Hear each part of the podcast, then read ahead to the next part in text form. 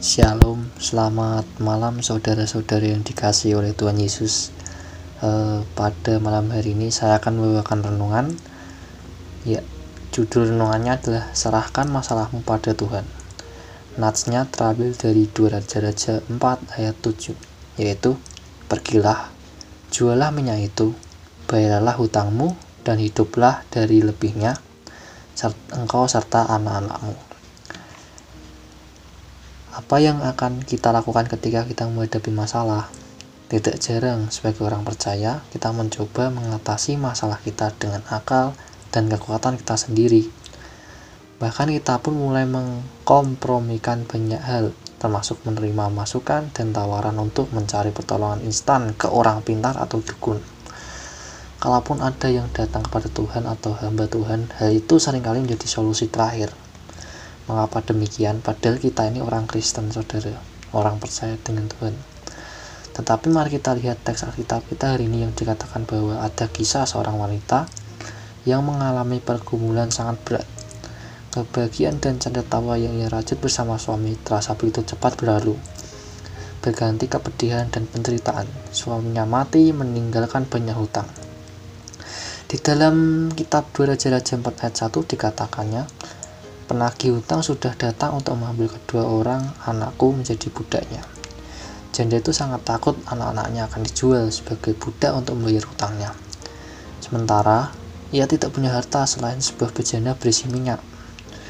Namun jika kita baca di akhir kisah, janda ini mengalami terobosan dalam hidupnya.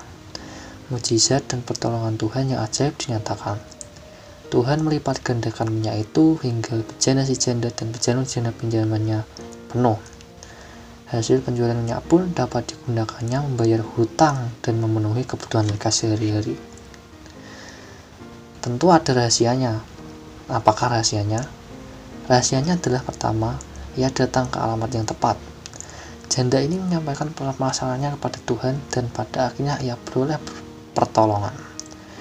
Dalam kitab Mazmur 50 ayat 15, Tuhan berkata, Berserulah kepadaku pada waktu kesesakan, Aku akan meluputkan engkau dan engkau akan memuliakan aku. Rahasia yang kedua adalah ia mau bertindak dengan iman. Sedikit minyak berubah menjadi mie banyak ketika janda ini mau melakukan apa yang diperintahkan Elisa, yaitu meminjam bejana-bejana dari tangganya. Bejana-bejana yang dipinjamnya tadi terasa penuh mengalir, terisi penuh dari buli-buli minyak yang tidak dapat melambung lagi. Perintah itu sungguh tidak masuk akal. Tapi kalau kita mau taat dengan iman, pasti mukjizat terjadi. Iman harus ditaati dengan perbuatan.